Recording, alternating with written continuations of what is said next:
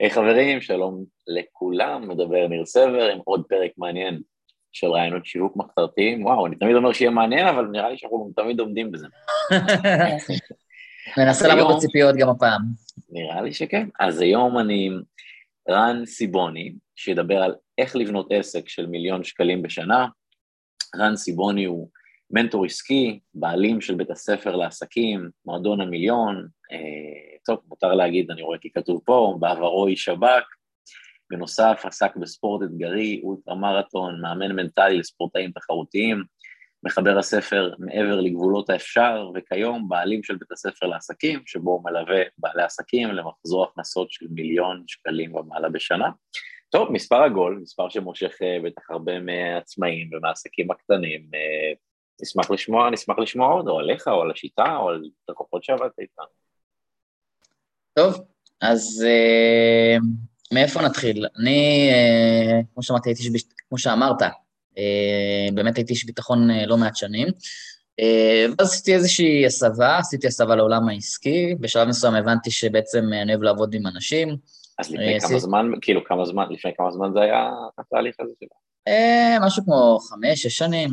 אה, אוקיי. אה, כן, ועשיתי בעצם, אה, זאת אומרת, לפני חמש-שש שנים משהו כזה יצאתי לעצמאות, אבל לפני כן, מן הסתם היה עוד תקופה שככה באמת הבנתי שאני מחפש משהו אחר בחיים, הבנתי שלמרות שאני אוהב באמת את כל האקשן והעניינים, הליבה של מה שאני אוהב באמת לעשות זה עבודה עם אנשים.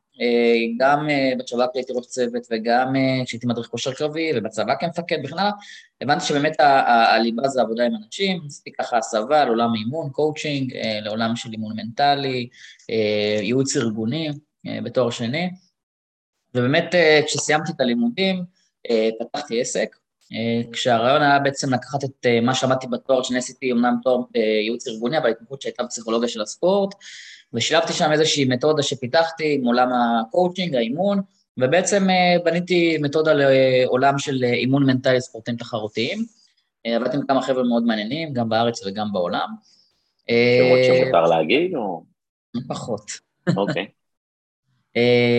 יש אחד שכן ככה היה מוכן בעצם לחשיפה, זה טראל אבסוב, שהוא מקום שלישי בעולם בסמבו קרבי.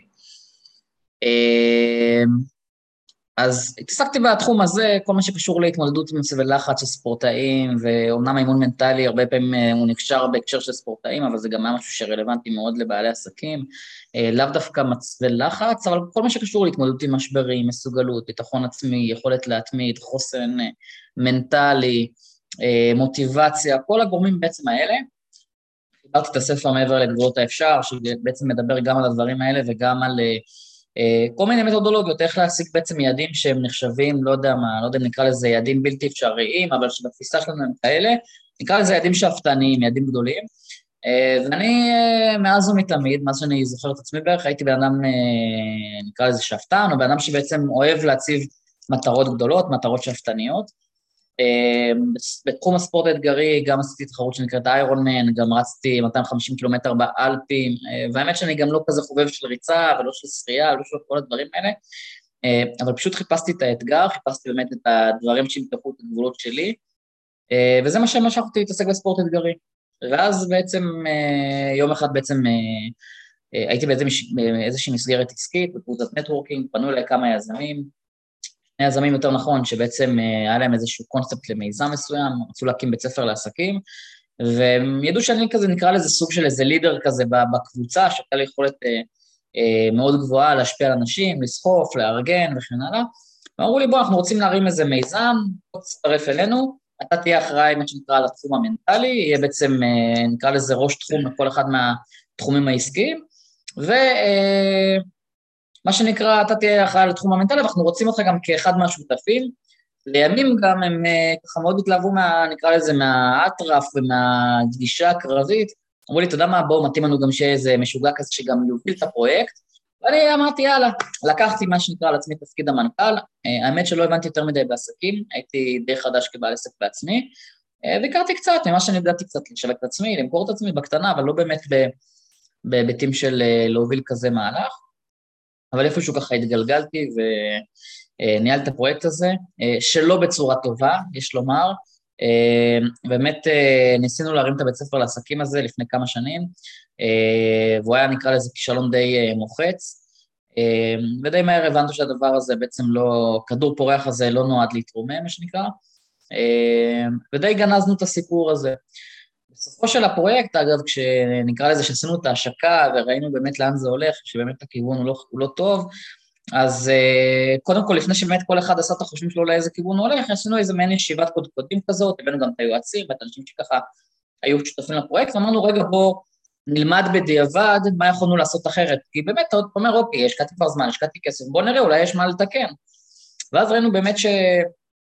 Uh, שכל התכנונים שעשינו מלכתחילה הם היו מה שנקרא לוקים בחסר, או שאני עשיתי לצורך העניין, זאת אומרת, יותר נכון, היעדר התכנונים, פשוט לקחנו מטרה, רצנו בלי יותר מדי, אה, אה, בלי לראות כל מיני דברים שהיום, מן הסתם שזה כבר המקצוע שלי, אני באמת, אה, יש לי יכולת יותר לראות דברים קדימה, אה, אבל אז באמת יותר, מה שנקרא, אמרנו, יאללה, קדימה הסתער, והגישה הישראלית הטיפוסית שאומרת תהיה בסדר.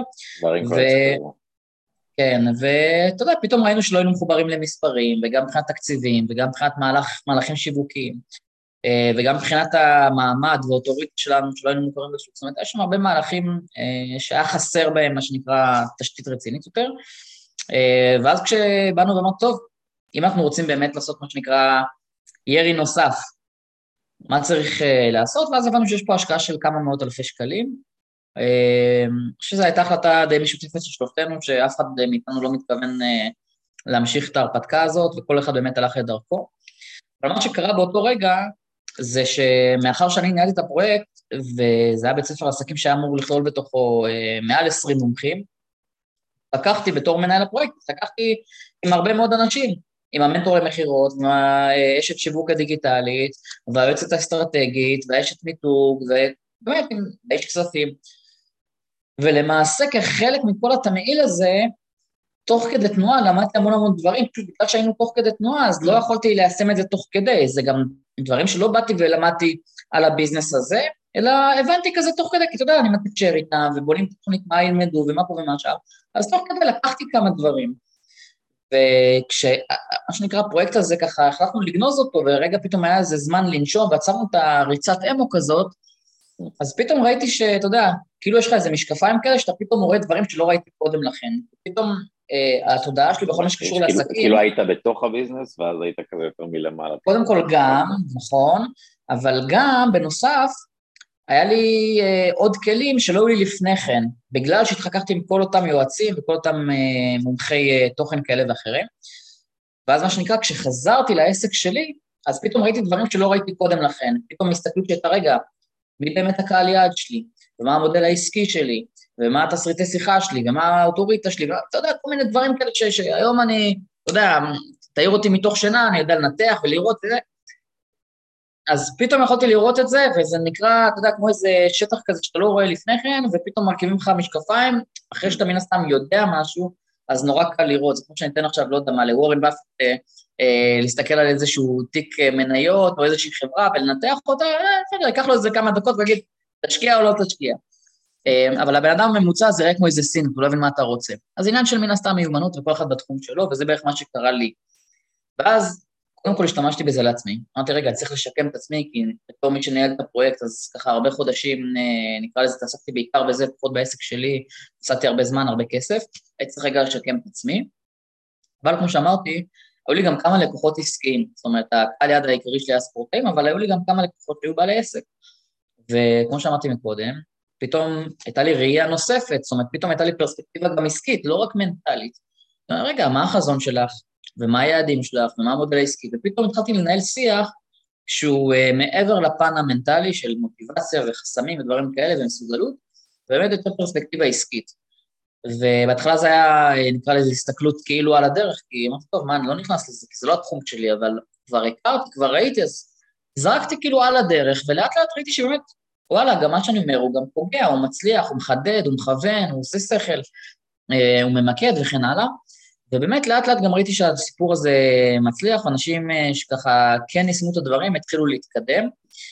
וגם אני ראיתי כי טוב, ראיתי את ההשפעה, ראיתי גם את העניין אה, מהצד שלי. ונקרא לזה, היה פה איזשהו מעבר, אה, הוא לא היה כזה חד, אבל התחיל איזשהו מעבר אה, אולי אבולוציוני, אפשר להגיד, ובעצם התחלתי לסטות יותר ויותר לכיוון של המנטורינג העסקי. אה, כמובן שלאט לאט באו הצלחות, ועם ההצלחות הגיעו עוד לקוחות ועוד לקוחות וכן הלאה. ואז כשאני התחלתי כבר להתייצב עם העסק שלי, אז הגעתי להכנסות של באזור ה-30 אלף שקל בחודש, בעיקר מייעוץ עסקי. אז עדיין היה לי כמה שאריות של עבודה של, עם ספורטאים, אבל כבר בעיקר עבדתי בכל מה שקשור לייעוץ עסקי.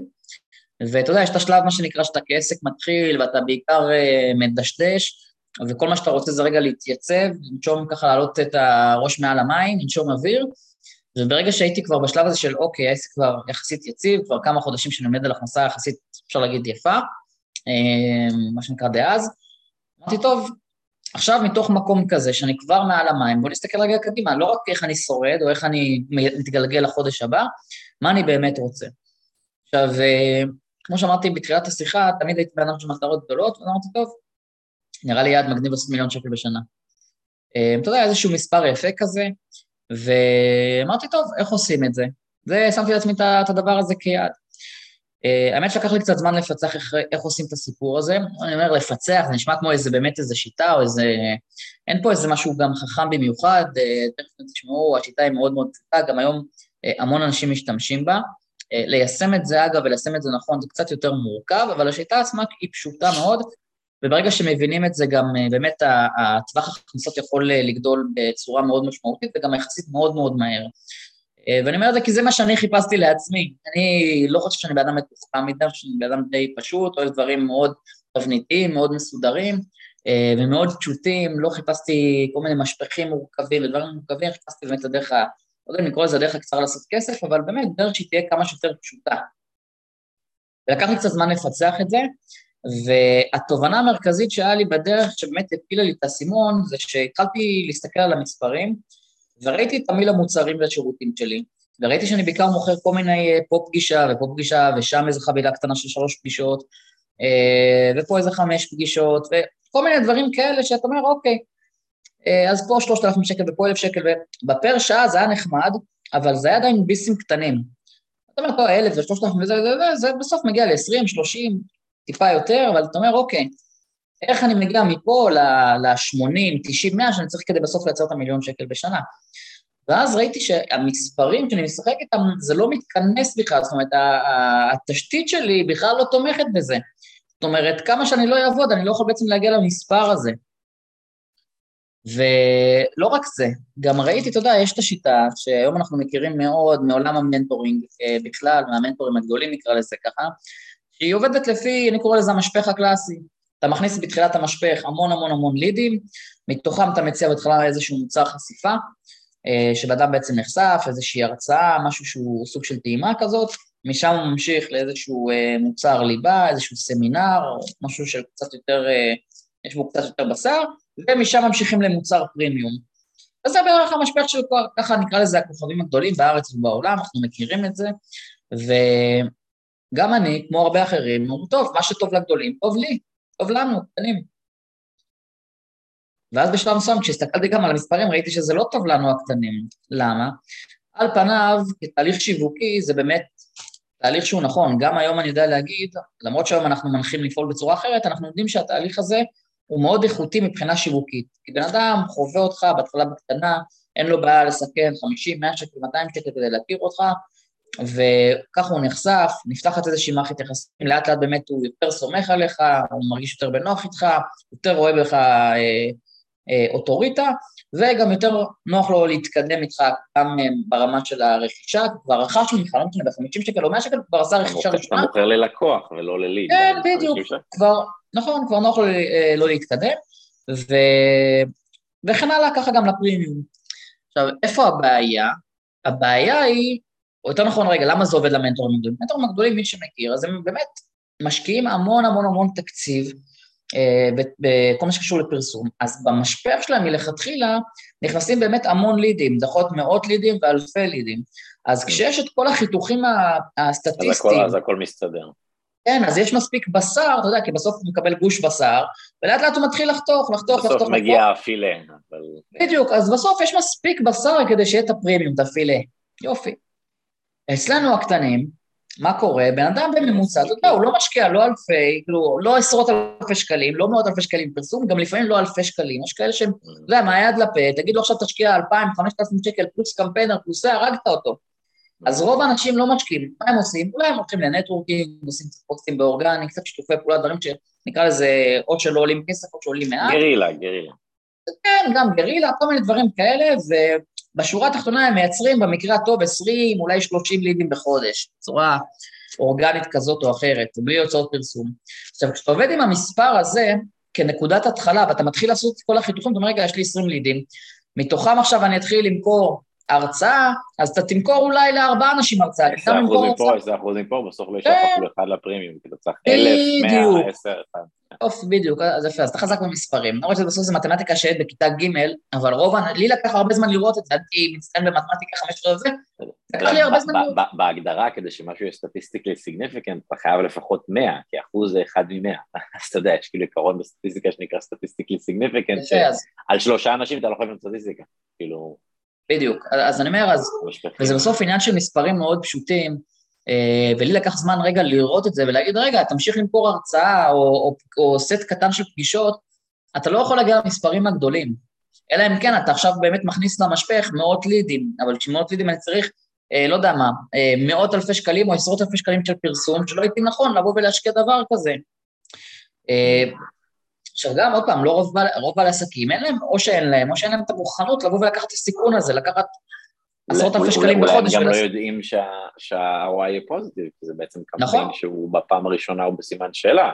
בפעם השנייה והשלישית אתה כבר יודע את המספרים. נכון, לגמרי. ואז אמרתי, רגע, בוא נחשוב רגע, מה יכול לקרות אם הייתי מוצא דרך לבטל את המשפך הקלאסי ולהגיד, רגע, במקום להעביר את הלקוח שלי דרך הרצאה קטנה, דרך מוצר ליבה, התחלת מהסוף כאילו ישר, ישר בדיוק, ישר לפרימיום. אוקיי. ואז אמרתי, רגע, אז היה לי פרימיום שעולה 18,000 שקל, שזה היה ליווי של חצי שנה. שזה יצאת אה, לבן אדם שלא מכיר אותך, פשוט. כן. ואז אמרתי, עכשיו רגע, זה עוד הייתה תיאוריה. אמרתי, אם אני מצליח למכור לחמישה אנשים בחודש, אה, את המוצר הזה ב-18,000 שקל, אז בחודש הראשון יהיה לי קרוב ל-100,000 שקל במחזור הכנסות, ואם יהיה לי סיסטם שכל חודש הוא יודע לעשות את המכפלות האלה, אז כל חודש ייכנסו ל pool עוד חמישה ועוד חמישה ועוד חמישה, ולאט לאט אתה בונה פה תזרים של 100,000 שקל בחודש. אז תיאורטית זה היה מאוד פשוט, אמרתי, רגע, אז מה צריך לעשות? כל חודש למכור חמישה מוצרים כאלה, זה ה big deal. אגב, אחר כך זה גם נעשה יותר פשוט, כי אם עכשיו יש לך מוצר של 30 אלף שקל או של 50 אלף שקל, אז צריך שלושה אנשים או שני אנשים. אז אמרתי, רגע, אז בוא נתמקד בזה. אבל אז אתה יוצא באמת לשטח, ובאמת, וזה, אגב, כל התורה בסוף יושבת על הדבר הזה, של למכור פשוט מהסוף להתחלה. אתה יודע מה, גם אפשר להתחיל רק את הסוף, גם לא צריך את ההתחלה.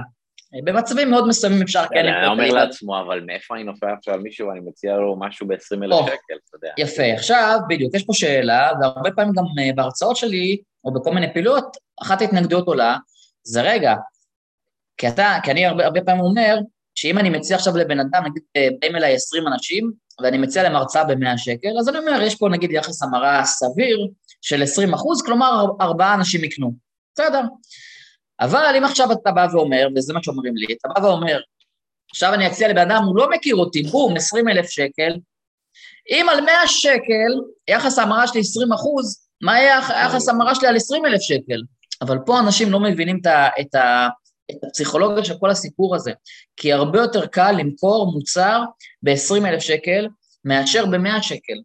אבל למי אתה מציע אותו? איך אתה מגיע למאה? קודם כל, יפה. קודם כל יש פה באמת שאלה של מי הקהל יעד שאתה מכוון אליו. זה באמת שאלה נפרדת. אבל אני רוצה רגע שנבין את הפסיכולוגיה של זה זה יושב.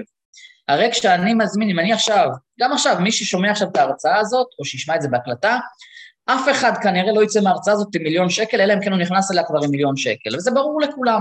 הם ייכנסו להרצאה, יגידו, וואי, היה מעניין, בחרו לעניין, אה, היה אה, מעורר השראה, קיבלתי אולי גם כלים פרקטיים, אה, יש לי כיוון, יש לי מפה, אבל כנראה שאף אחד לא יצא מפה עם מיליון שקל.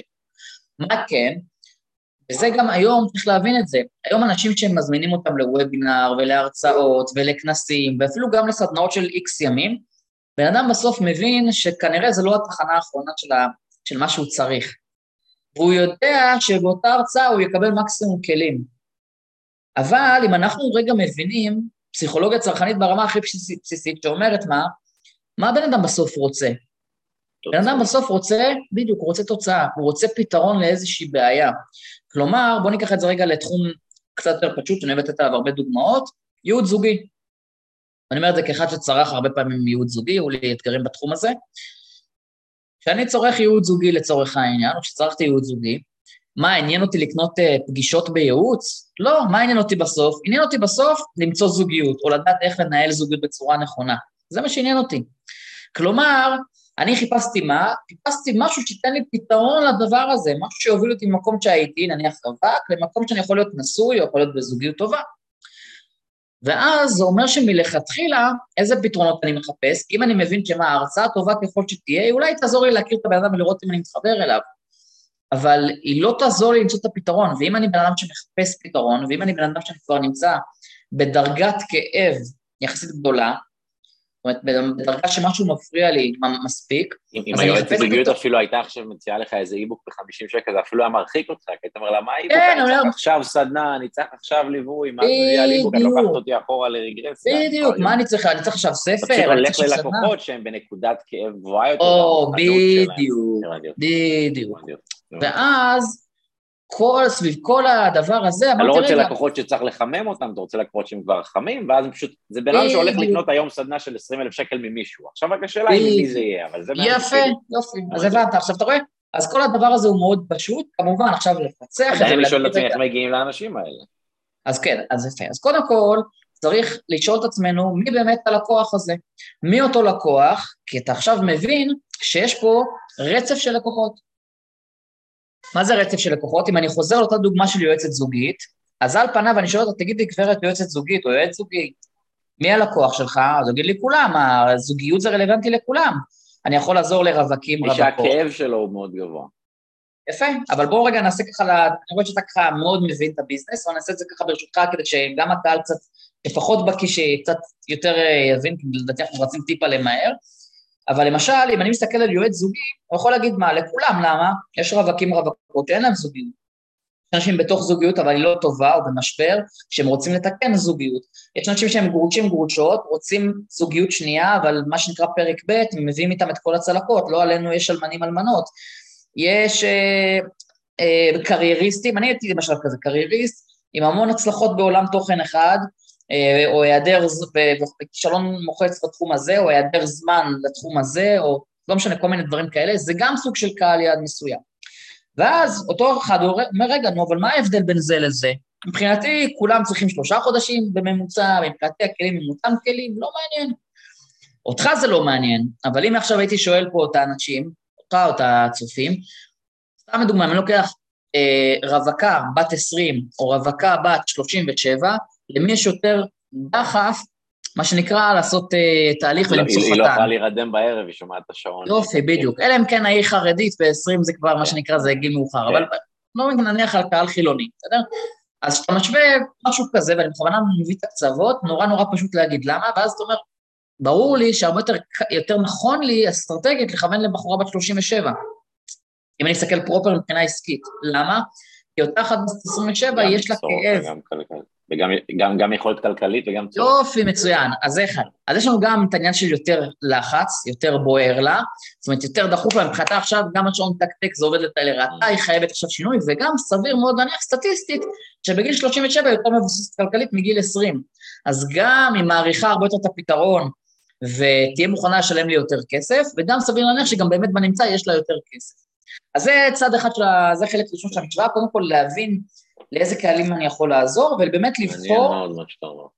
קהל יעד, נקרא לזה נישתי, אבל עדיין, זה, זה מצד אחד נישתי, אבל מצד שני זה נישה שהיא... אתה, אתה גם לא צריך אלף לקוחות כשאתה מוכר פרימיום. בדיוק, בדיוק, זה מה שאנחנו מנסים כל הזמן להעביר לאנשים. כשאתה הולך על מספרים כאלה... עד פה כאילו עשית לי שכל לגמרי, אני עדיין רק אומר לי לעצמי, אוקיי, אבל איך הוא מוצא את החמישה אנשים האלה? כאילו, עד פה אני מבין אותך. רגע, אתה, שנייה, קודם כל בונים את האסטרטגיה. אני כאילו אומר, אני אני איתך, אני איתך, אני איתך, רק תגיד לי איך אתה מגיע לחמישה.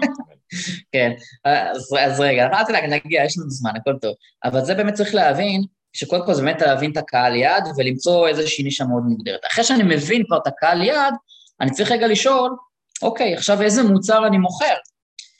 ויש איזשהו משפט מפתח שהוא מבחינתי באמת עוזר לפצח את המוצר, ואני אומר דבר כזה, אתה צריך לבנות מוצר שמכוון כמובן לאותו קהל יעד מאוד ספציפי שהגדרת, והשאלה המרכזית שאתה צריך לשאול את עצמך זה אם אותו קהל יעד אידיאלי שמכוון אליו בא אליי ואומר לי את הדבר הזה, אחי, אחותי, אני רוצה שתוביל אותי לתוצאה הזאת, התוצאה הזאת והזאת, אני רציתי חתונה או זוגיות או לא משנה מה, או עסק של מיליון, כל אחד הזה, ואני מוכן לשלם לך כל סכום כדי להגיע לתוצאה הזאת.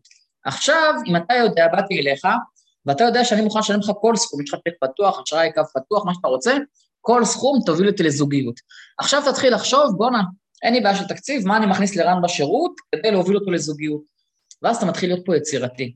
אומר, רגע, אז אני לא נותן רק ייעוד זוגי, אני מביא פה גם יועצת מינית, ואני מביא פה סטייליסטית, ואני מביא פה אולי גם מאמן כושר שככה יחטב אותי יותר, ואני מביא פה אה, בן אדם שלמד אצלי סגנון תקשורת, ואני מביא פה כל מיני דברים נוספים שבעצם הופכים את המוצר לבעל ערך הרבה יותר גבוה, למוצר, אה, נקרא לזה מקיף פרימי, יותר. מוצר פרימי. בדיוק.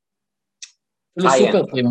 ממש מוצר שבאמת יכול לקחת את הבן אדם שגם כשהוא משווה אותך לייעוד זוגי אחר, הוא אומר, נכון, ההוא עולה 3,000 ואתה עולה 15,000, אבל אצלך לפחות מה אני רואה? אני רואה באמת את המפת דרכים, איך אתה מוביל אותי ליצור זוגיות. אתה לא רק מאמן אותי חסמים, אתה גם מלביש אותי כמו שצריך, אתה גם מכין אותי לדייטינג, אתה אולי בא איתי ולוחש לי באוזן מה להגיד, לא יודע, כל מיני דברים, לא משנה כרגע.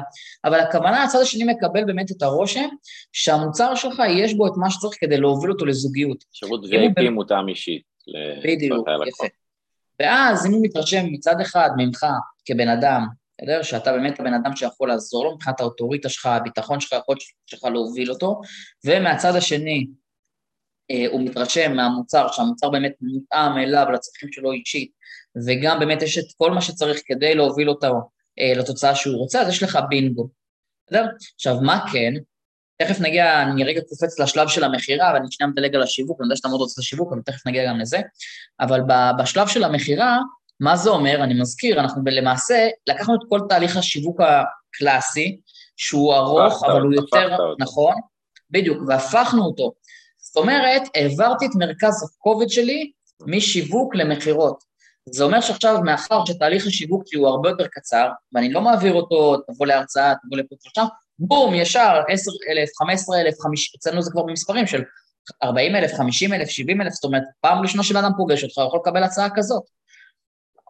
מה זה אומר? זה אומר שאתה צריך להיות הרבה הרבה יותר מיומן במכירות. עכשיו, אני אומר רגע מיומן, אני אומר את זה כבר... פשוט אתה אמרת, אני אלך יותר לכיוון של מכירות מאשר שיווק, זה בעצם ה... כי זה מצריך פחות תקציב. זה מצריך יותר יכולת, אבל פחות תקציב. כן, אבל זה עוד פעם, מה זה מצריך פחות תקציב? זה לא עניין של טוב, אני אשים 2,000 שקל לשיווק לעומת 0 אה, שקל. זה אני אשים 0 או 2,000 לעומת לשים עכשיו 10,000, 20,000. תשים 2,000 שקל במקום 20,000. בדיוק, בסדר? עכשיו אני אומר עוד פעם, אני מדבר כרגע... אבל אתה צריך להיות פי 10 יותר טוב במכירות בדיוק, אבל מכירות, כשאתה מבין את ה... גם את הפסיכולוגיה של מכירה, הרבה הרבה יותר קל למכור את זה מאשר להביא עכשיו הרבה מאוד לידים. עכשיו, לא רק זה, גם מבחינת הזמן שאתה שורף לדבר עם כל כך הרבה לידים שהם בכלל לא רלוונטיים, או להעביר עכשיו את כל המשפכים האלה, אתה יכול לשרוף כל כך הרבה זמן. והרבה יותר פשוט... זה מזכיר לי את השואבי אבק האלה, אתה מכיר את הסזמים של ה door to door שמוכרים קירבי ב-15,000 דולר, שואב אבק, קירבי ב-15,000 דולר, זה גם, זה כאילו hit or miss, זה כאילו, אתה רוצה שואב אבק ב-15,000 דולר? כן, כן, לא, לא. כן. מספיק להם לעשות מכירה ביום. כן, בדיוק, ועל זה כל התורה יושבת.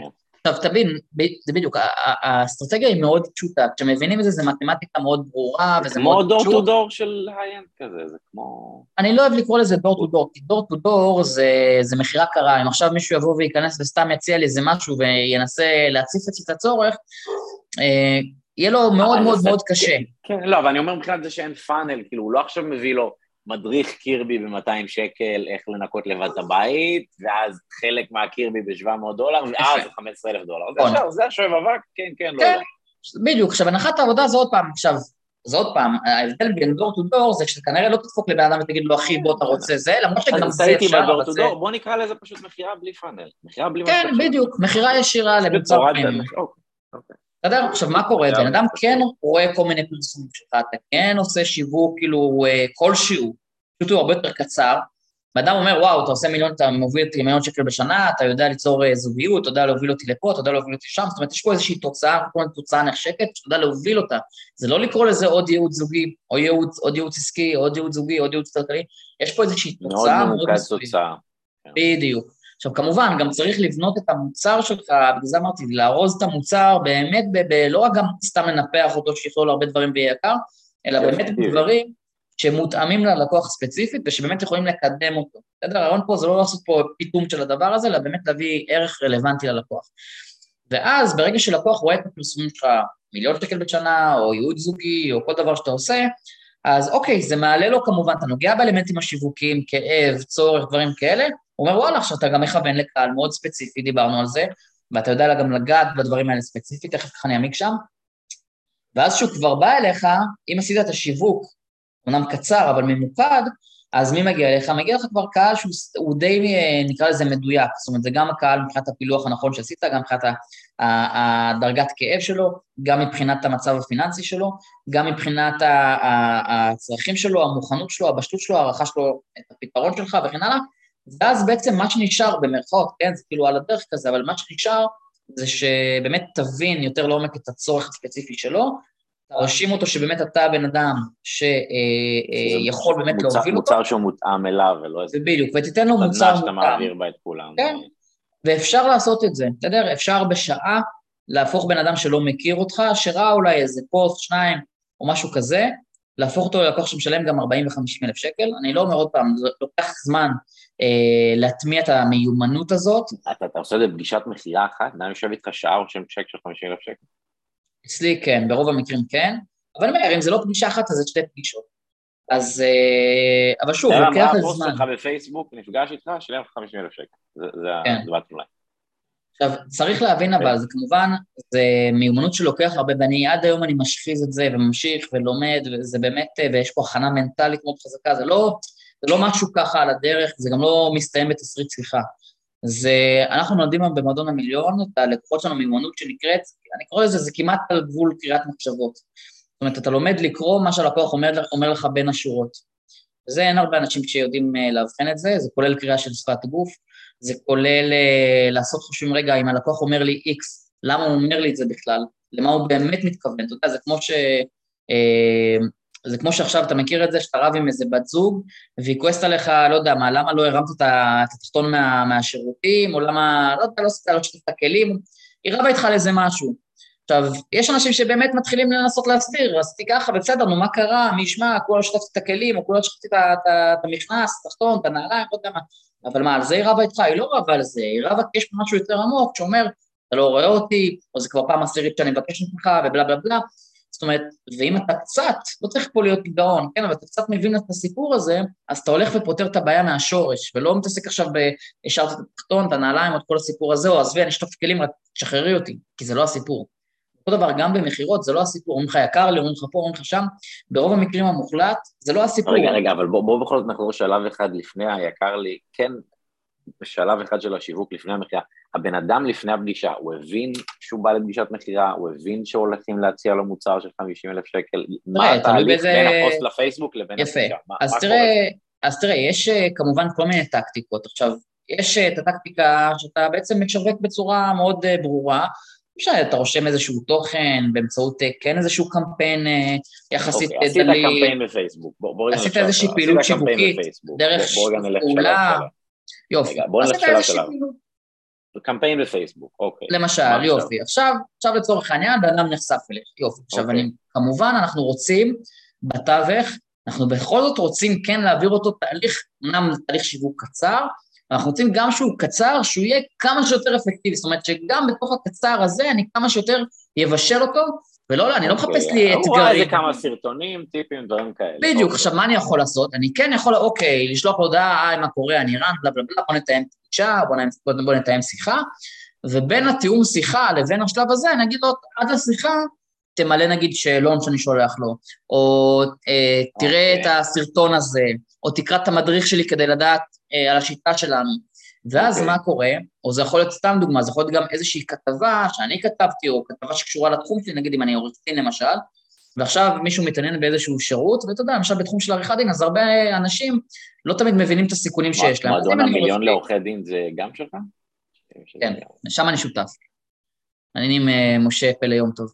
אז לצורך העניין, ברגע שאני יכול למשל לשלוח איזה חומר כזה, אנחנו קוראים לזה חומר מקדם מכירה, בסדר? שאו איזה מדריך חינמי או איזה משהו כזה, okay. אוקיי. אבל מה היופי, מתי אני שולח את זה? אני לא אומר קודם תוריד, ואחר כך מתוך המדריך הזה, בוא לשיחת מכירה, כי שם הסטטיסטיקה היא הפוכה, אתה מבין? 100 אנשים יורידו מדריך, אולי שניים ידברו איתי בסוף. אני אומר, okay. אוקיי. תבוא אליי לשיחה. באת אליי לשיחה, לפני שאתה בא לשיחה, תקרא את המדריך. עכשיו, נכון, לא כולם יקראו את המדריך, okay. אוקיי. אבל מספיק שחצי יקראו, 30 אחוז, 50 אחוז, לא משנה, 60 אחוז, יקראו, כבר תהיה לי עבודה יותר קלה. ואז בתווך שבין התיאום פגישה לפגישה עצמה, אני רוצה בעצם לתת לך חומרים, קח תקרא עליי, קח תראה מי אני. זה יכול להיות איזה דף נחיתה שמסביר קצת אודותיי, ויש שם עדויות, ויש שם כל מיני דברים שמה עושים. הם מחממים, אבל כבר מה? מתי אתה מחמם? מתי אני מחמם את הבן אדם? כשהוא למעשה כבר בדרך לשיחת מכירה, יש לי עכשיו איזה 24 שעות, 48 שעות. הוא מבין שהוא הולך להיפגש איתך לשיחת מכירה? בטקטיקה כזאת, בוודאי, למה? אם אתה, שאלה למה אתה ממשך אותו. הוא מבין שכאילו אלה הסכומים שיהיו מדוברים עליהם? לא, הוא לא מבין איזה סכומים, אבל תכף נשים רגע את הסכומים, כי האמת שהסכומים ברוב המקרה זה לא מעניין. אתה לא רוצה לוודא שהוא qualified, שיש לו את זה, שאתה לא מבזבז את הזמן שלך על חייל משוחרר או על מנטל. זה כאילו, מאוד, אז יפה, זו שאלה מצוינת. עכשיו, מה קורה? אני אגיד לך קצת מה שנקרא סודות מקצועיים שלי. למשל, זה, זה גם עניין, אגב, של מיומנות ותרגול, בסדר? כשאני למשל עכשיו פוגש בן אדם, או שהוא מתעניין ושולח לי איזושהי הודעה בפייסבוק, או מקבל טלפון שלי בוואטסאפ, או אתה יודע, מדי פעם באמצע היום אני יכול לקבל שיחה, יש קיבלתי את המספר שלו מככה וככה. אני בשיחה של כמה שניות, אני יכול להבין אם יש לי עסק, ולקבל איזושהי הערכה, כמובן זה לא מאה אחוז, אבל לקבל איזושהי הערכה, האם זה בן אדם שיהיה מסוגל להוציא 50 אלף שקל. עכשיו, לא רק אם יש לו, כי רוב האנשים שלנו, רוב הלקוחות שלנו אין להם כסף. הם מביאים הלוואה, מבקשים מההורים, הם עושים כל מיני דברים בשביל להביא את הכסף, זאת אומרת, זה לא בהכרח בן אדם שיבוא אליי וזה. אצלנו רוב האנשים באים, שהם מן הסתם, הם באים לעשות כסף כי אין להם כסף. אבל אני, מה אני מעריך? האם זה בן אדם שתהיה לו את הבשלות ואת המוכנות להוציא כזה סכום של כסף? יכול להיות בן אדם שאגב, יש אנשים שיש להם כסף, אבל אין להם את המוכנות. זאת אומרת, זה יותר עניין של רצון מאשר יכולת. כן, כי בן אדם שיש לו, סתם לדוגמה, בן אדם עכשיו חלילה לא עלינו, הילד שלו חולה, הוא צריך להביא 50 אלף שקל, 100 אלף שקל, או מיליון שקל כדי להציל את הילד שלו, הוא יהפוך את העולם אם הוא יביא את הכסף. אנשים יודעים להביא כסף, זה מה שאנחנו לא תמיד מבינים. אנשים יודעים להביא כסף, וגם יש כסף, יש מאיפה להביא כסף ברוב המקרים. יש כל תוכניות מימון כאלה, כאלה, יש דרכים להביא כסף. רק השאלה אם אתה נכנס לתוך הסדר עדיפויות בשביל שהוא יקנה את זה. אז אני עכשיו בכמה שניות אני יכול להעריך האם זה בן אדם שכן יקנה. עכשיו, מה אני עושה? אם אני, אם אני מעריך שזה בן אדם שבסבירות נמוכה הוא לא יקנה, כמו נגיד אם זה באמת סטודנט, חייל משוחרר, איזה מישהו שאני שומע שהוא באמת ככה, אתה יודע, לפעמים גם בטון דיבור אתה שומע, זה לא באמת הבן אדם שעכשיו הוא יאללה בעט מפניה על זה, למרות שמדי פעם יש הפתעות, אבל נגיד אני יכול לעשות איזושהי הערכה גסה, אז אני אומר, מה שנקרא, באחד המשפטים הראשונים שלי, אני אומר, אה, חשוב לי שתדעי או שתדע, אנחנו בין חברות הייעוץ היקרות בארץ, ותהליך אצלנו הוא, הוא נע בין מחיר כזה למחיר כזה, כמובן בהתאם לצורך, כי אני לא באמת יודע, יש לנו תהליך... זה אתה אומר לפני הפגישה. כן. שוב, רק אם אני באמת מזהה שזה לא בן אדם שיקנה. אם אני מזהה שזה בן אדם שהוא כן יכול לקנות, אז אני לא עושה את ההכנה הזאת. אתה לא רוצה להיכנס לשיחת מחיר. אין לי בעיה להיכנס לזה, אבל אה, שזה גם יכול להיות טקטיקה בפני עצמה, כי אז אני יכול לפתוח כבר את ההתנגדות הזאת על ההתחלה ולפתור אותה, ואם אני פותר אותה, אז אני מביא אותו כבר לשיחה, ואז כל מה שנשאר לי זה... מן הסתם יקר לי זה מה שאתה שומע הרבה על מחיר כזה. כן, אז תכף נגיע לזה, זה מאוד, מאוד פשוט, מאוד פשוט. Okay. אוקיי. אבל, אה, אז אני יכול גם לשים את זה על השולחן, זה לא באמת משנה, אבל אני אומר, אני לא חייב לשים את זה על השולחן, אני יכול אה, לקבוע איתו פגישה בתשלום או לא בתשלום, זה כבר לא באמת משנה, אם אתה יודע למכור, ואתה מביא אותו לפגישה. עכשיו אני אומר עוד פעם, אם אני מעריך, בהנחה שאני לא לוקח כסף עבור הפגישה, בסדר? שבתחילת הדרך אני ממליץ לא לקחת כסף כדי לייצר כמה שיותר ממשקי מכירה, אה, אבל אם אתה מעריך שזה לא בן אדם שיקנה, תשים את זה על השולחן, אנחנו, טווח מחירים שלנו ככה וככה, זה משהו שאתה חושב שאתה יכול לעמוד בו, או משהו שהוא רלוונטי, כן או לא, בסדר?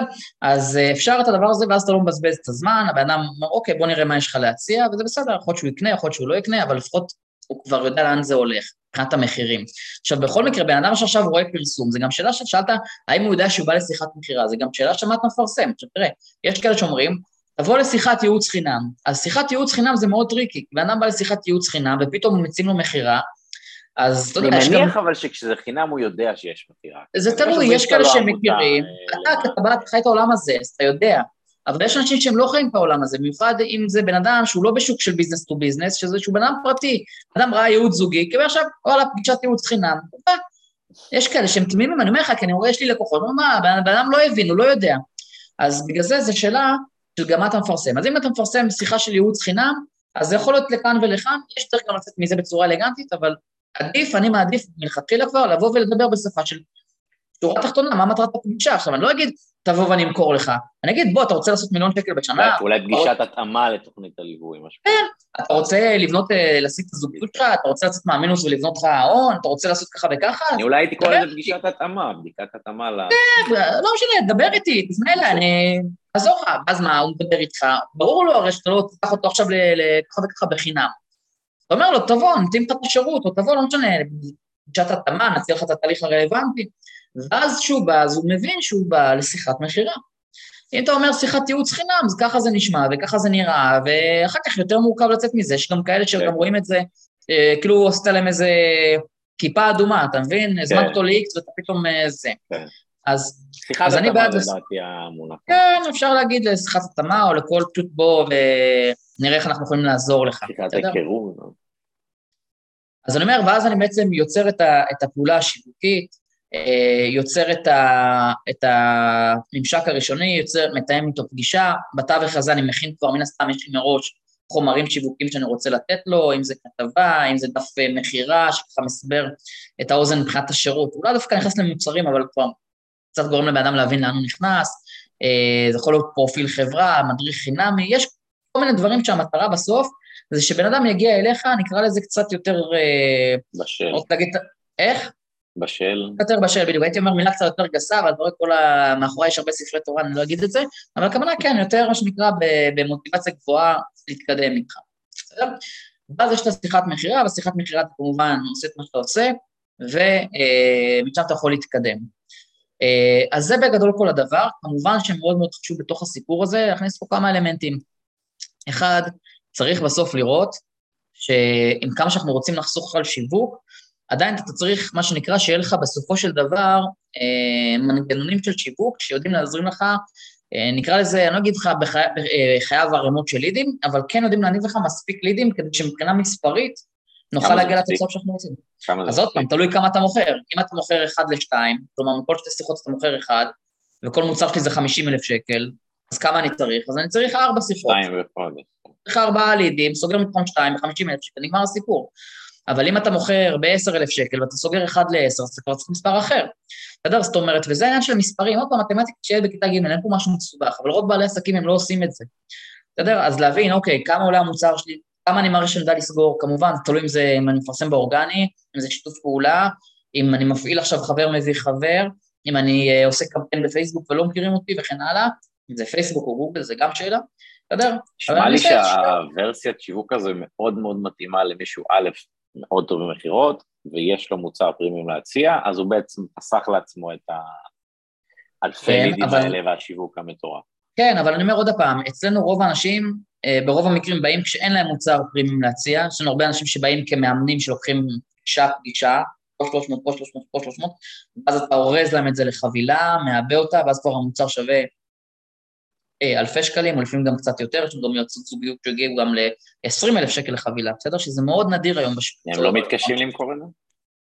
ובאיזה שלב אתה שואל את זה? בתחילת הדרך, בהחלט. אבל בתחילת הדרך הקושי הוא יותר מנטלי, למה? בן אדם שרגיל למכור, עכשיו גם נגיד אם אני הייתי יועץ עסקי, שרגיל למכור אפילו פגישה באלף שקל, שזה יפה. פגישה אחת באלף שקל, או שלוש פגישות בשלושת אלפים שקל פלוס מע"מ, ופתאום הוא אומר, רגע, במקום למכור בשלושת אלפים, אתה מוכר בשמונה עשרה אלף שקל. אז יכול להיות שמבחינת יחס, הפר פגישה הוא אפילו זול יותר, אבל עדיין אתה פתאום אומר לבן אדם, אחי, זה עולה 18,000 שקל. אז לבן אדם שלא רגיל לזה, או לא רגיל לתפיסה הזאת, והוא פתאום מדבר במושגים של 15,000, 10,000, 20,000, 50,000, פתאום לדבר במספרים כאלה נורא קשה לו. אני מדבר איתך על הבן אדם הממוצע. אוקיי, עברו שלושה חודשים, הוא עשה את השיפט. אחרי זה בפרקטיקה, הוא כבר... אז יפה, עכשיו קודם כל נגעת פה באמת באיזשהו מספר קסם, יש כאלה שהם תופסים את העניין מהר והם מהר מאוד אה, משנים פאזה ומוכרים עכשיו ב- במספרים מאוד גדולים, ופתאום אתה רואה מה שנקרא גרף, גרף הכנסות קופץ כמו איזה מחוג של פרארי. אם הוא פיצח את זה, זהו. בדיוק, זה בדיוק העניין, צריך לפצח את זה. עכשיו, יש כאלה שבאמת לוקח להם שלושה, שלושה חודשים, יש כאלה גם קיצוניים שלוקח ארבעה חודשים, עד שמבין את המכירה הראשונה. כי המכירה הראשונה היא בעיקר מכירה מנטלית, כי יש לך גם ספקות האם זה יעבור. כן, כן, ממש ככה. זה עוד פעם, תלוי כמה אתה מיומן, הרקע שלך, גם אם יש קהילה שכבר, אתה יודע, שכבר מכירה אותך ויש לך אוטורית שהיא סוג של אה, חמאה בתוך הדבר הזה, אה, ומשמנת מה שנקרא כבר את התהליך, אבל לבן אדם הממוצע זה יכול לקחת בין חודשיים לשלושה, אה, לעשות את המכירה הראשונה. אבל once, וזה, וזה תהליך שהוא בעיקר קשה תודעתית. המכירה, אגב, מי ששומע את זה יכול עכשיו להגיד, טוב, נו, בא, בן אדם ישר בא, מוכר 50 אלף, 40 אלף, הוא בטח איזה מאכר ובטח איזה זה. אני אומר לך, השיטת מכירות שאנחנו מלמדים, אנחנו מאוד מאוד מתרחקים מהדבר הזה שנקרא להיות מאכר. אני גם לא בעד המילה לקרוא לזה להיות איש מכירות, אלא להיות איש פתרונות. יש מצבים, אני שבוע שעבר פנתה אליי מישהי שקיבלה אליי המלצה, הוא אומר לי, תקשיב, ליד חם וליד חם וזה, והיא פנתה אליי, אמרתי, תקשיבי, אין לי מה למכור לך, כאילו, אני לא רלוונטי אלייך כרגע. לא שאני לא רלוונטי אליה. היא אומרת לי, אני עכשיו מתחילה מנטורינג עם זה וזה וזה, אז אמרתי לה, אני לא, אני אגיד לך את האמת, אני לא חושב שזה נכון לך לקחת גם אותי וגם אותו, תסיימי איתו, אם יעבוד לך, הלוואי שיעבוד לך, תחסכי אותי, תחסכה אותי גם. איך תתנסי, לא יעבוד לך, אני פה, הכל בסדר. זאת אומרת, הרעיון זה לא למכור בכל מחיר, הרעיון זה קודם כל לראות שבאמת הבן אדם צריך את זה, שאתה רלוונטי אליו, שאתה יכול לעזור לו וכן הלאה. זה גם מאוד מתאים למיצוב של היוקרה, התשובה שנתת נכון. לה. שכאילו אתה מאמין מראש שאתה יותר טוב, ואתה כל כך בטוח בזה שאתה אפילו אומר לה, לכי תראי, אני בטוח שתחזרי אליי. כן. כאילו, זה מין... לא, לא יודע אם הייתה, אמרתי לי, לא, אני באמת בשבילך שיעבוד, אני ברוך השם לא חסר לקוחות, אם לא יהיה מישהו אחר יבוא, אבל זה עניין של יושרה בסיסית. ולפעמים אנשים חושבים, מה, כל אחד יכול, אה, זה, איך אתה מוכר מיליון שקל בשנה? כל אחד? לא, ממש לא כל אחד. יש אנשים שזה לא רלוונטי, יש אנשים שאני מוכר להם רק עסק של 30 אלף בחודש, ויש אנשים שאני מוכר להם גם 5 מיליון בשנה, 5 מיליון בשנה, זה לא משנה. אה, אבל אה, מה שמשנה זה באמת לראות את הבן אדם שמולך ולהבין מה הוא צריך ולראות שבאמת אתה רלוונטי אליו. ואז, איפה היינו? אז, אז, אז הרעיון בו, פה באמת בלהיות איש מכירות, זה לא להיות איזה איש, איש מכירות מיומן וחלקלק, זה לא. מתמודד עם מה בכל זאת, שאלה בתחום הזה כן לגיטימית. שמע, אתה לוקח 18, המתחרה שלך לוקח 3, בוא, בוא תסביר לי, כאילו, אני מניח שזו שאלה שאתה נתקל בה, לא, זה לא רק מנטלי, אני מניח שיש פה גם זה משהו פרקטי שעולה, לא? כאילו, אומר לך, תשמע, אתה לוקח 18. אתה לוקח 18 והוא לוקח 3, למה שאני אבחר בך? כן. יש פה, יש פה כל מיני טקטיקות, הנה, סתם דוגמא, היום התחלנו תהליך, בן אדם, תהליך של 45,000 שקל פלוס מע"מ, והוא שאל את השאלה הזאת בדיוק, תגיד, איך אני, תגיד, רן, איך אני הולך אה, אה, לקחת מחיר יותר גבוה ממחיר השוק, שזה איזה קו מנחה כזה שאנחנו רוצים, גם מבחינת המיצוב וגם מבחינת הערך שהבן אדם נותן. אה, איך אני הולך להתמודד עם הסוגיה הזאת, שבאמת יהיו אנשים שיקחו פחות מחיר.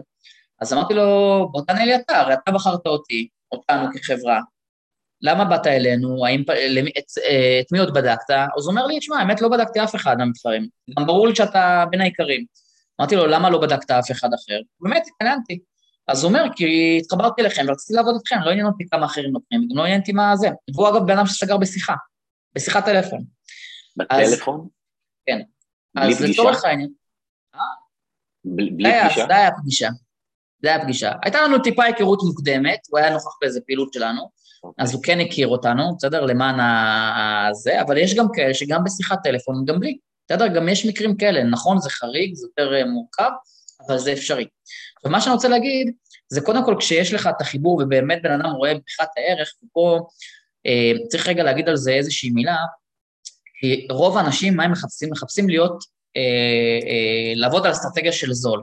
עכשיו, כשאתה משחק על אסטרטגיה של זול, תמיד יהיה מישהו שהוא יותר זול ממך, בסדר? ואתה לא יכול לנצח במשחק הזה. אתה תיקח 5,000, 3,000, תוריד 2,000, גומרים אחד את השני. אבל אני, אני אומר, אני לא רוצה שבן אדם יבחר בי בגלל מחיר. אני רוצה שבן אדם יבחר בי כי זה אני, בגלל המותג, בגלל השיטה, בגלל החיבור האישי, בגלל הערכים, לא משנה מה. לא, אז אני, אז אני יכול להוריש אותך, אז למה לקחת ממנו 45 ולא 90, אם מחיר הוא אבסטרקטי לגמרי ואין לו שום... זה מה שאני חושב שהמוצר הזה שווה. כשאני אחשוב שהמוצר הזה שווה 90, אני אקח גם 90, יש לי גם, מוצר, יש לי גם מוצרים שעולים 120, כי אני חושב שהם שווים 120. בסדר, נגיד, לקחת עסק יש לנו נגיד עסקים שהם מסיימים, עסקים מתקדמים, הם מגיעים למיליון שקל בשנה ורוצים להמשיך לחמישה מיליון שקל בשנה, אז אנחנו לוקחים על זה 120 אלף שקל, בסדר? אז... זה מזכיר לי קצת כמו בתיווך, אתה כאילו אומר, אם הדירה עולה מיליון שקל, השני אחוז שלי יהיו 20 אלף, ואם נכון. הדירה עולה... אבל זה בדיוק ככה, נכון? יהיו 200 אלף. אצלנו... זה לא שאני לוקח יותר, פשוט התוצאה היא יותר. כן, אבל, נכון, אבל סתם לדוגמה, אני מסתכל, אני לא מסתכל רק על התוצאה, כי נגיד, סתם לדוגמה, אם עכשיו, אה, נגיד יש לי אותך ויש לי פה עוד שלושה אנשים, ושלושתכם צריכים תהליך של ארבעה חודשים בממוצע, רק כשכל אחד מכוון ליעד אחר, או כל אחד בנקודת התחלה שלו, אני יכול להוביל אותו לנקודה אחרת. אז נגיד לאחד אני אוביל אותו לעסק של 50 אלף, אחד ל-100 אלף, אחד ל-200 אלף. אבל את כולכם אני צריך ארבעה חודשים כדי להביא אותם מ-X ל-Y. אני לא אקח לכל אחד מחיר אחר. מה השקלול שאנחנו כן מתמחרים לפיו? אז אני אומר, רגע, כמה זמן ייקח לי להוביל אותך מהנקודה שאתה בא, אתה נמצא, לנקודה שאתה רוצה? עכשיו, אם זה עניין של אה, שנה, זה עולה X, ואם זה ארבעה חודשים, זה עולה Y, זה כבר לא משנה לאיזה תוצאה. אתה מבין? אני מתמחר לפי כמה זמן אני מעריך שייקח לי להוביל אותך מהנקודה שאתה בא נמצא, נמצא היום, לנקודה שבה אתה רוצה להיות.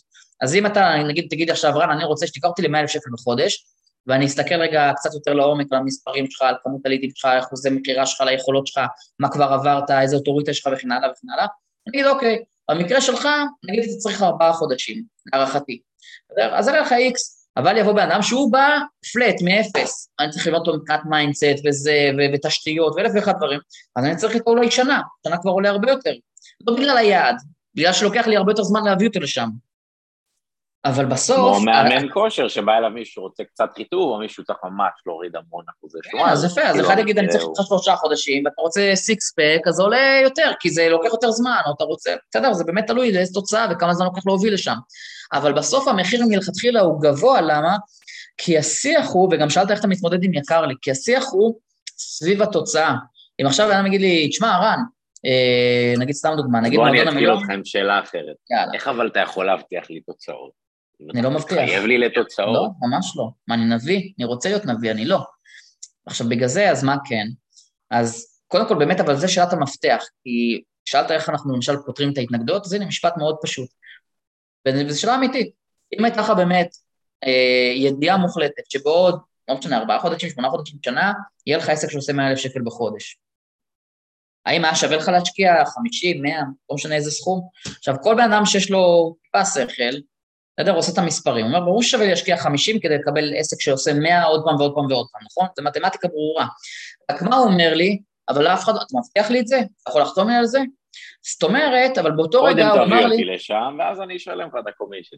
לא, הוא לא אומר לי זה, הוא רק אומר לי, אתה יכול להתחייב? הוא לא מדבר איתי על קומישן, אין בעיה, אני אשלם לך, ואתה יודע להתחייב לי? אתה לחתום לי על זה? תכף נגיע רגע לזה.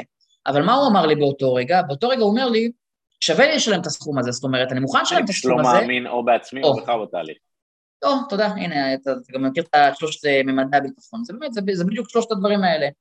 זאת אומרת, יש פה, ברגע שיש לו באמת ביטחון, אז הוא יכול להתקדם איתי, רק רגע חסר לו את הביטחון, או בי, או במוצר, או באמת ב, ב, בעצמו, שהוא באמת יעשה את מה שצריך כדי להגיע לזה. ואז כשהוא אומר לי, רגע, אתה יכול להתחייב, כמו שאתה שאלת, אז אני אומר לו, לא, אין, ברור שאני לא יכול להתחייב. אתה יודע, ומי שאגב חושב שהוא יכול להתחייב, אז אני לא רוצה להגיד הוא שקרן, אבל אני, כנראה שהוא לא מודע, כי בסוף במה אתה יכול להתחייב? לא, אז, אז אתה לא יכול להתחייב, אתה יכול להגיד לו, אבל הנה תוצאות מלקוחות עבר שהיו לי, א', ב', ג'. בדיוק. הבעיה, הבעיה היחידה היא מה עושה מישהו שהוא מתחיל, כמו נגיד הקוסמטיקאית או היועצת זוגיות, שעוד אין לה לקוחות להראות, אה, והיא לא יכולה להגיד לו, הנה תראה את יוסי ושמעון שעבד. אז פשוט, אז מה שהיא עושה, אז אותה גברת צריכה מה שנקרא תיק עבודות, כמו שיש לכל מיני מעצבים, מעצבי פנים וכאלה, שהם הולכים ועושים תיק עבודות, אז אותה יועצת זוגית צריכה תיק עבודות, לכי תעשי לכמה חברות, לכמה, לשכנה שלך, לא משנה מי, תביא לקוחות במחיר אפס, פיילוט, תעשי אפילו פיילוט, אה, מה שנקרא, אתה עכשיו לא, אל תקחי אנשים, סליחה על הביטוי שבורים, שצריכה עכשיו שנתיים כדי להביא אותם לתוצאה, תביאי אנשים שצריכה לתת להם את ה... מה שנקרא, את הפאנץ' שבאמת יהפוך להם את הזה. בדיוק, את ה fine-tuning, שבטווח יחסית של חודש, חודש וחצי כבר מביאה אותם לתוצאה על שינוי משמעותי, ויש לך אה, הוכחות חברתיות, בסוף גם כמה אתה צריך? שלושה, ארבעה, חמישה, יאללה, חודש, חודשיים את סוגרת את הסיפור הזה ויש לך הוכחות חברתיות, בסדר? הכל טוב, אפשר לרוץ עם זה. אז, אה, אז אפשר באמת להביא אה, הוכחות חברתיות, זאת אומרת מקרי עבר, אפשר לדבר בסטטיסטיקות, תגיד הנה, נכון, יש, יש סיכון מסוים, וגם חשוב להגיד, גם אצלנו יש סיכון מסוים, יש סיכון מסוים, במרכאות, כן, בואו נבין רגע, תכף ניכנס גם למה הסיכון, אבל כל אחד שעושה גם את הניהול סיכונים אצלו.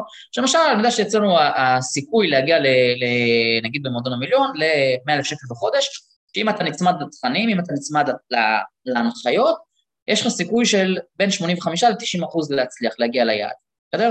עכשיו, כמות המיישמים זה כבר שיחה אחרת, וזה פה כבר מה שנקרא העברת האחריות במרכאות לצד השני של האם אתה מסוגל ליישם, כן או לא. עכשיו, מלכתחילה גם אתה עושה, אנחנו עושים עכשיו מערך סינון מאוד מאוד קפדני, כדי לראות שבן אדם שהוא בכלל נכנס, שהוא בכלל מתאים. בסדר? אז יש לך את מערך הסינון שאתה עושה, אם זה בדיקות, אם זה שאלוני, אנחנו כל מייעלים את זה, בסדר? אם זה האתגר שאנחנו עושים לפעמים כדי לבחון את הבן אדם בכל מיני רגעי לחץ, לראות שהוא באמת יכול להתמודד עם זה. אז יש כל מיני דברים שאתה לא מכניס כל אחד, כמו שאם עכשיו אני רוצה להוביל ליצירת זוגית. לא רוצה שידפק לך סטטיסטיקה. נכון.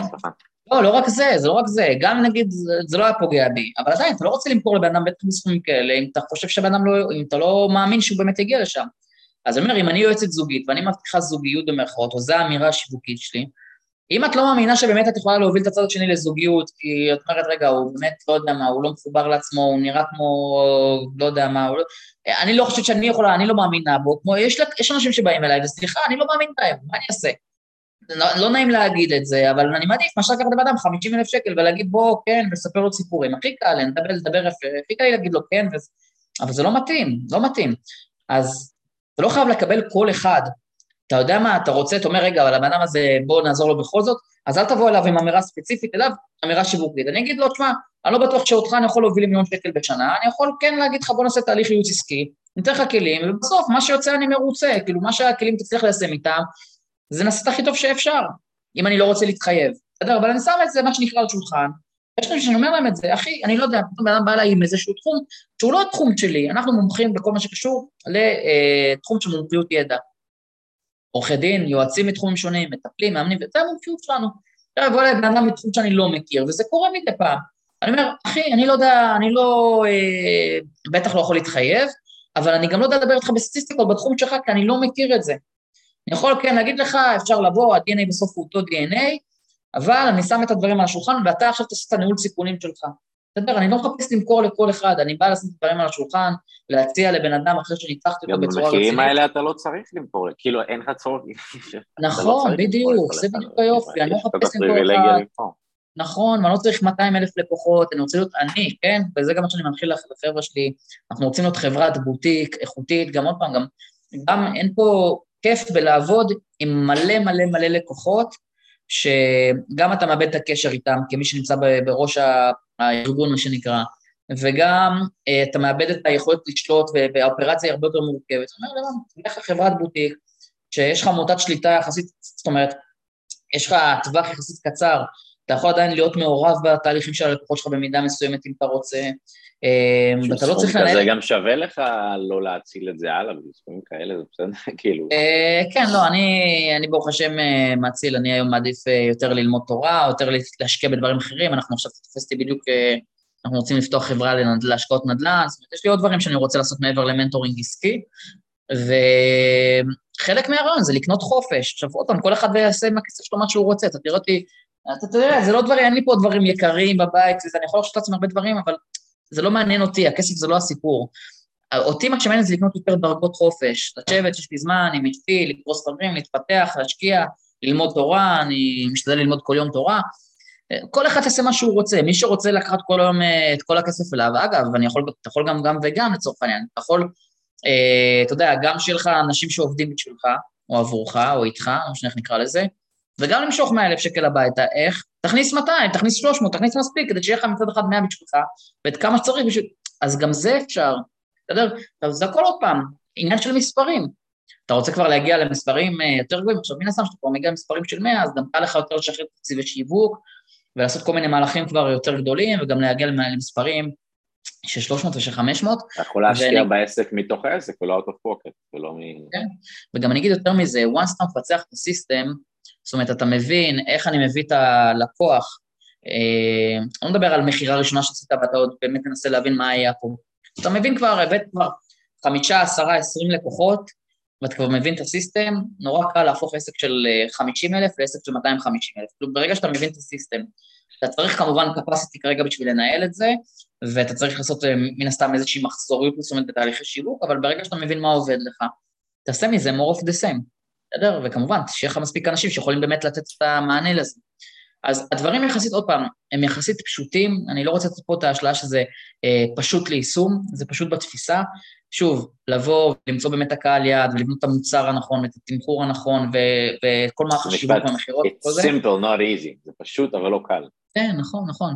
אז זה לפעמים לוקח זמן, צריך לדייק את זה. לפעמים יש בינגויים שהם באמת יחסית מאוד מהירים, אבל uh, ברוב המקרים זה תהליך.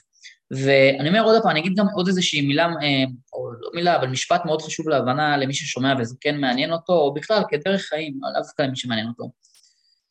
התהליך הזה הוא לא מתאים לאנשים שמחפשים איזי uh, מאני, זה לא עובד.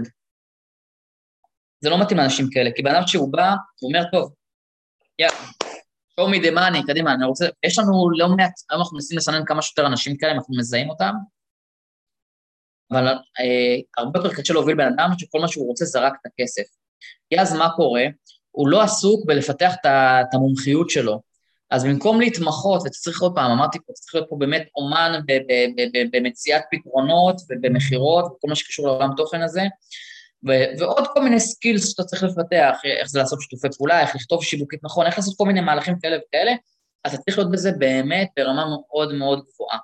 ובן אדם שלא נהנה מהדרך ומההתפתחות ומהאתגר ומהצמיחה ומכל מה שהדבר הנפלא הזה באמת מוביל אותו, והוא רק עסוק בתוצאה, אז הוא לא יכול לרכוש את המיומנות. הוא אומר, עזוב, עזוב, תגיד לי מה, מה להגיד לה כדי שהיא תסגור. יופי, אמרתי לו והוא סגר. מה הוא עושה אחרי שהתהליך נגמר? אין לו עסק. הוא לא למד, כי הוא לא הפך את עצמו לבן אדם שיכול להחזיק את זה. אז צריך רגע לבוא ולהגיד, עזוב, הכסף, בסוף, וזה צריך להבין, הוא רק תוצר של מה אתה הופך להיות. וכשאתה הופך את עצמך להיות אותו בן אדם, גם מבחינת תודעה, גם מבחינת הבנה של מי זה הלקוח, ו- ומה הלקוח באמת מחפש, והבנה של דינמיקה של מכירה, ופסיכולוגיה צרכנית, זה כל מיני דברים ברמה מאוד עמוקה, זה הרבה מעבר לרק לעשות סרטון בטיק טוק או זה, זה מיקרו-טקטיקה, זה לא מעניין. זה מעניין, אבל בסוף זה לא על זה קם ונופל. זה קם ונופל כשאתה מבין את כל המערך או שאתה לא מבין את כל המערך.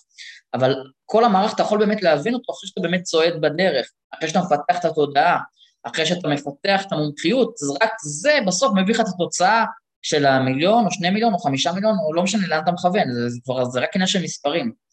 אבל רק כשבאמת אתה צועד את הדרך, אתה יכול באמת להפוך לדבר הזה, וכדי להפוך לדבר הזה אתה צריך ליהנות מהדרך. מי שלא נהנה מהדרך, הדרך פשוט שוברת אותו, באמת. זה מסלול, היום מועדון המיליון, אני אומר את זה, זה מסלול שהוא לא מבייש מסלול של יחידה מובחרת. מבחינת הקושי המנטלי שבן אדם צריך לעבור, זה ממש רכבת הרים רגשית. מצליח ולא מצליח. ממה נובע הקושי? מה הקושי?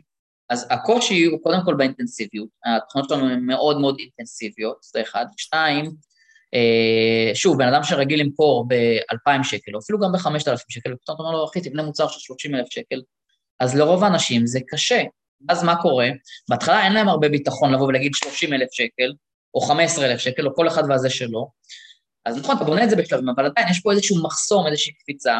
לפעמים אתה צריך לקחת בן אדם ולעשות לו שיפט לאיזשהו קהל יד מסוים, והוא צריך להיות מוכן לוותר על קהלים אחרים שהוא היה רגיל לעבוד איתם, או עכשיו רגע לעבוד באמת בסקיילים אחרים של מחירים. ואז מה קורה?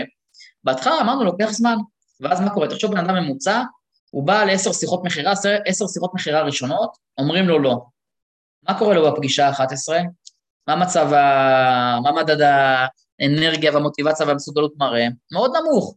עכשיו, חלק פה נשברים, וחלק פה אומרים, אוקיי, אני מבין שזה תהליך, ואני מייעל את זה, ואנחנו נותנים כל מיני כלים להתמודד עם זה, אבל זה קשה. ואדם חווה לא, לא, לא, לא, לא, עד שיש לו את הבינגו. ומי שמספיק חזק מה שנקרא, אתה יודע, להחזיק את החבל בזמן שמנערים. מנערים, כל פעם אנחנו מנערים, כאילו מה זה, השוק, המצב מנער את החבל, אתה צריך להיות חזק. מי שלא מספיק חזק להחזיק, להחזיק את החבל, אז הוא נופל. ומי שחזק והוא יכול להחזיק את הדבר הזה, לא, לא, לא, לא, לא, עד שהוא שומע את הכן, אז בכן הראשון, משהו, מה שנקרא, זה קו פרשת מים, משהו בראש משתנה, הוא אומר, וואלה, זה אפשרי. בכן השני והשלישי הוא אומר, וואלה, יש לי פה כבר סוג של, נקרא בשלישי לפחות, יש פה כבר סיסטם, הוא כבר מבין שזה לא מקרה. ואז ברגע שהוא כבר עובר את הקו הזה של השלוש, זה כבר רץ. ואז פתאום אתה תראה אנשים שעושים, הכנס, גרף הכנסות יכול להיראות 0, 0, 0, 0, זה ארבעה חודשים, ופתאום 200 אלף שקל, כאילו משהו שהוא בכלל לא הגיוני. אבל כשאתה מבין למה זה, אז זה מאוד מאוד פשוט, כי ברגע, כי זה פסיכולוגי. בן אדם פיצח את העניין, נגמר הסרט. וזה הסיפור, אבל צריך באמת להיות פה מספיק חזק, ואחר כך, אתה יודע, זה כמו חגורות בלחימה, זה, הגעת, מה שנקרא, ל, לא יודע מה, חגורה שחורה נגיד בקראטה, זה לא ששם האתגרים מפסיקים, שם האתגרים ממשיכים, אבל זה כבר אתגרים ב-level אחר. עכשיו זה אתגרים של לנהל הרבה לקוחות, עכשיו זה אתגרים של לגייס עובדים, ואת מי אתה מגייס, ו- ואיך אתה מנהל אותם, ומה השלבים, וגם התחרות שלך, זה, אתה יודע, בהתחלה אתה נלחם, סתם דוגמא, אתה סוברו, אתה נלחם במאזדה, ואחר כך אתה אומר, רגע, עליתי לרמה של מרצדס, עכשיו אתה נלחם בכרישים, אחר כך אתה נלחם בפרארי, אז כל פעם, אתה יודע, אתה, אתה משתפר, אבל אתה גם נלחם עם אנשים אחרים, נלחם, כן? לא משנה איך אנחנו מסתכלים על זה, אבל אתה כבר בשוק אחר. אז, אבל זה אתגר, ועוד פעם, בגלל זה מי שבא ומחפש פה רק את הכסף, אני אומר, עזוב, אל תיכנס לזה, יש כנראה, אני לא מכיר, כן, אבל יש כנראה דרכים יותר יעילות, יותר קלות לעשות כסף, זה לא דרך קלה, אבל זה דרך שהיא מהנה, היא, היא מרתקת, ואני נהנה מזה, אמרתי לך, אני חי חיים מאוד פשוטים, אני, כמו שהסברתי, שגם לאיירון מן וכל הדברים האלה, לא הלכתי כי אני חסיד גדול של ספורט, אני מאוד מאמין בזה, לא נהנה מזה. גם כסף, אתה תראה אותי בחיים, אתה לא תראה אותי חי חיי יוקרה, זה פחות מעניין אותי, הסיפור מבחינתי, זה ההתפתחות, זה האתגר. גם עכשיו, אני מחפש להרים חברה, אני מחפש, אני מרים חברת נדל"ן, לא כי אני אה, סאס שלי אה, אה, 200 אלף נכסים. ברור שאני רוצה, וברור שאני אהנה מזה, אבל זה לא מה שמניע אותי. ספציפית, מה שמניע זה, רגע, עכשיו כדי להיכנס לעולם הזה, אני צריך לרכוש מיומנויות חדשות, יהיה לי, אה, אה, אני צריך להתפתח, להכיר אנשים חדשים, לרכוש כל מיני כלים חדשים. זה מה שאני אוהב, כשאני הופך את עצמי כל פעם לבן אדם יותר מסוגל, יותר מיומן, יותר עם השכלה יותר נרחבת, עם יותר יכולות, זה, זה מה שאני נהנה. כמובן, יש גם... אתגרים. כן, וגם ה... עכשיו גם יש לי איזה יעד מאוד מעניין בנדל"ן, שאני הולך באמת להיות עליו all in, וברור שבסוף כל הדברים האלה זה by-product, זאת אומרת, יש לך by-product של כסף, של דברים שאתה נהנה, אני לא אגיד שאני לא נהנה מהדברים האלה, כן? בוא לא ניתמם. אבל זה לא ה... אם הייתי צריך להכיר, זה מה שמאיר אותך בבוקר, זה לא, זה לא מה שמאיר אותי בבוקר, מי שמאיר אותו, בכיף, אני לא אומר שלא, וזה לא רע וזה לא זה, אבל בתפיסה שלי, הרבה הרבה יותר קשה, ואני גם אני רואה את זה על הלקוחות שלנו, הרבה יותר קשה, ואני כמובן מוציא פה אנשים שהם חלילה בהישרדות, באמת נלחמים בשביל הלחם שלהם, ואני לא מדבר על אנשים כאלה, אני מדבר על אנשים שחיים בסדר סך הכל והכל טוב, אבל אתה יודע, רוצים יותר, אז אני בעד לרצות יותר, באמת לחיות טוב, כי מגיע לנו, אבל באמת שזה יבוא יותר ממקום של משהו שיש לו משמעות עבורי, הרבה מעבר ל... לקנות מרצדס או לא יודע מה, לא שזה רע מרצדס, אני בעד, אני מת על זה, זה אחלה, אבל כמובן שזה לא יסתכם רק בדברים האלה, תן לזה משמעות קצת יותר עמוקה, כי ברגעי המשבר, המרצדס היא לא, היא לא, זה לא מה שיזיז אותך ויגיד לך, יאללה, קדימה בשביל המרצדס, לא. אבל כשזה משהו אינהרנטי שלך, שאתה אומר, אני נלחם בשביל עצמי, אני נלחם על עצמי, זה, זה level אחר של, של, אתה יודע, של התמדה ושל עוצמה. אז זה מבחינתי הסיפור. שמע, היה מרתק לגמרי, אה, באמת מהרבה בחינות, באמת shift אה, מחשבתי אה, מעניין. כאילו גם, גם ה shift וגם נשמע שגם כאילו פיצחת את זה גם פסיכולוגית וגם פרקטית, באמת נשמע מאוד מעניין, אז אני מניח שמי ששומע את זה שואל עצמו, איך אפשר אה, להצטרף אליך? אז אה, אולי מי שרוצה, אתה רוצה אולי להגיד את זה כמה. אז אה, קודם כל אפשר למצוא אותנו בכל מיני פלטפורמות, אם זה בפייסבוק ובאינסטגרם וטיקטוק וכן הלאה, תחת השם רן סיבוני או תחת מועדון המיליון. או 1M Club באינסטגרם וכן הלאה, פשוט תחפשו מועדון המיליון בגוגל, יקפוץ לכם כל מיני דברים מעניינים, תיכנסו. אה, ומבחינת עוד פעם, כמובן אנחנו צריכים לראות אה, כל אחד שבאמת, אה, גם אם הוא מתאים ברמה האישית, סליחה שאני אומר את זה ככה, ואני גם עוד פעם, אני אומר את זה לא כמס שפתיים, אנחנו באמת בוחנים אנשים אישית, לראות שהבן אדם באמת בשל לפחות כדי להגיע לאן שהוא רוצה, וגם מבחינת ההיתכנות של העסק, זאת אומרת, בן אדם שבאמת אומר, אני רוצה מיליון, או חמישה מיליון, או עשרים אלף בחודש, או חמישים אלף, לא משנה איזה מספר, לראות שבאמת מבחינת המספר ומבחינת הבן אדם, שזה באמת יש פה הלימה, ואנחנו מאמינים בסבירות גבוהה, שוב, אני לא יכול להתחייב, אבל בסבירות גבוהה, שבאמת אפשר להוביל אותו, ואגב, צריך להבין שגם אלה שלא מצליחים, אבל באמת עושים את הדברים, אז הם צומחים. פשוט הצמיחה היא נראית כל כך מינורית ביחס לזה, כי מי שמצליח הוא עושה צמיחה של בערך פי עשרה. מי שלא מצליח הוא עושה צמיחה של פי שניים או פי שלושה, זה גם הצלחה מדהימה אה, בפרק זמן של מספר חודשים. ביחס למה שאתה מצפה, אז זה קצת נמוך.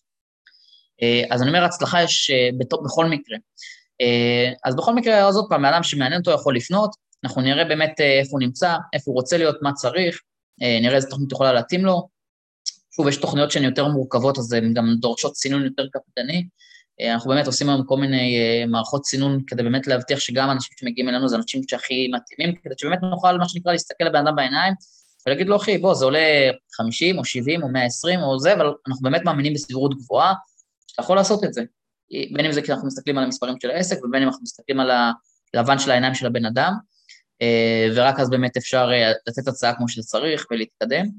אה, וזהו, כמובן צריך להיות מוכן בעיקר ובשל, אני אומר, הכסף פה זה חלק במערכות הכי קל. הלוואי וכל אדם שהיה בא ושם לי 50 אלף או 70 אלף או 100 אלף, הייתי אומר לו, קח צ'ק של מיליון או של כל מספר שהוא רוצה, אבל זה לא עובד ככה, ואני אומר להביא את הכסף עם כמה שזה קשה, ולפעמים בן אדם צריך לעשות שמינות באוויר, והלוואות וזה, ולבקש מההורים, ולא יודע, כל מיני דברים כאלה, בסוף זה החלק הקל. להביא את הכסף זה החלק הקל, העבודה עצמה, ההתמודדות המנטלית, הרגשית, הנפשית, באמת, כל מה שזה דורש, על להתמודד עם המשברים בדרך והאתגרים, ו... ולהפוך את עצמך לדבר הזה, זה באמת המסע הקשה, בעיניי גם המרתק, כן? זה באמת הדבר אה, ששווה, ו... ואגב, אתה תראה גם, לפחות הלקוחות שלנו, כן? כי אנחנו כבר מביאים אנשים כאלה, זה מה שיפה, זה שהם כבר כן מגיעים לסכומים האלה, הם מבינים והם יודעים להגיד שזה לא הכסף בכלל, זה בכלל לא השיחה של הכסף, זה השיחה הנטו של מי הם הפכו להיות, פתאום הזוגיות שלהם נראית אחרת, פתאום ההורות שלהם היא אחרת, פתאום הם מסתכלים על המראה והם רואים בן אדם אחר, איך שהוא מדבר, איך שהוא עומד, איך השפת גוף שלו, איך הוא מתקשר עם העולם, אה, הם גאים בעצמם הרבה יותר, כי הם הפכו את עצמם למשהו אחר. וזה כבר שיחה אחרת, זה בעיניי זה שווה הרבה מהר, זה, אותי זה הרבה יותר מרגש שנשמע דברים כאלה מאשר אה, קניתי מרצדס. בסדר, נו, אחלה. זה דברים קצת, קצת יותר עמוקים. אה, אז זהו, אז מי שבאמת מוכן לתהליך כזה והוא בשל, אז כמובן נשמח לראות אתכם באחד המסלולים שלנו. וזהו, מה עוד? זהו, היה באמת, אה, באמת מרתק, אני חושב, מהרבה בחינות. באמת אחד הוובינארים ה... אתה יודע, זה כאילו שם אותך באיזה מקום, שאתה כאילו אומר לעצמך, בואנה, למה, למה, כאילו, אני מדבר גם בשם הקהל, למה אני לא עושה את מה שהוא אומר? למה אני אומר אלפיים ולא עשרים אלף? כאילו, גם אם בסוף תיקח אלפיים, לפחות תדע שבחרת בזה, אחרי שהבנת שיש לך גם את האפשרות לקחת עשרים, ובחרת שלא, אבל לא כי אתה כן, מפחד, או כי אתה לא מאמין, כי בחרת. לגמרי, אני אין עם זה בעיה. אגב, אני גם לא אומר לא, לכל אחד תהיה עצמאי, או לכל אחד תהיה מיליונר, אני בסוף, כל אחד שיעשה מה שהוא רוצה, פעם הייתי יותר כזה קיצוני, מה אם אתה לא מיליונר, אתה לא. היום, באמת, אני אומר, בלב שלם, לא חייב, אפשר לחיות טוב, גם בהרבה פחות, ואפשר מה שרוצים. רק מה, כשאתה הולך לישון בלילה, תהיה כן עם עצמך. תדע שבחרת בזה. תדע שבחרת. כן. כשאתה חי בחבית בהודו, כי יש לך עוד מיליון דולר ואתה פשוט בוחר לא לקנות איתם. כן, בדיוק, אם זה מה שטוב לך, אחלה, אבל אם לא טוב לך, כן. זה כבר שיחה אחרת, אז בוא תעשה עם עצמך משהו. איתי, לא איתי, לא משנה מישהו אחר, תעשה עם עצמך משהו. זה באמת הסוגיה הזאת. מעניין מאוד, אה, תודה, בפודקאסט מעולה, ולמי שרוצה להמשיך להתעדכן, אפשר לחפש ניר סבר, ביוטיוב, בספוטיפיי, לעשות subscribe ולהמשיך לעקוב אחרינו בשביל פרק מעולה כזה ועוד אחרים, אז שוב, תודה רבה לך על הזמן, תודה לכל תודה, ניר, היה תענוג.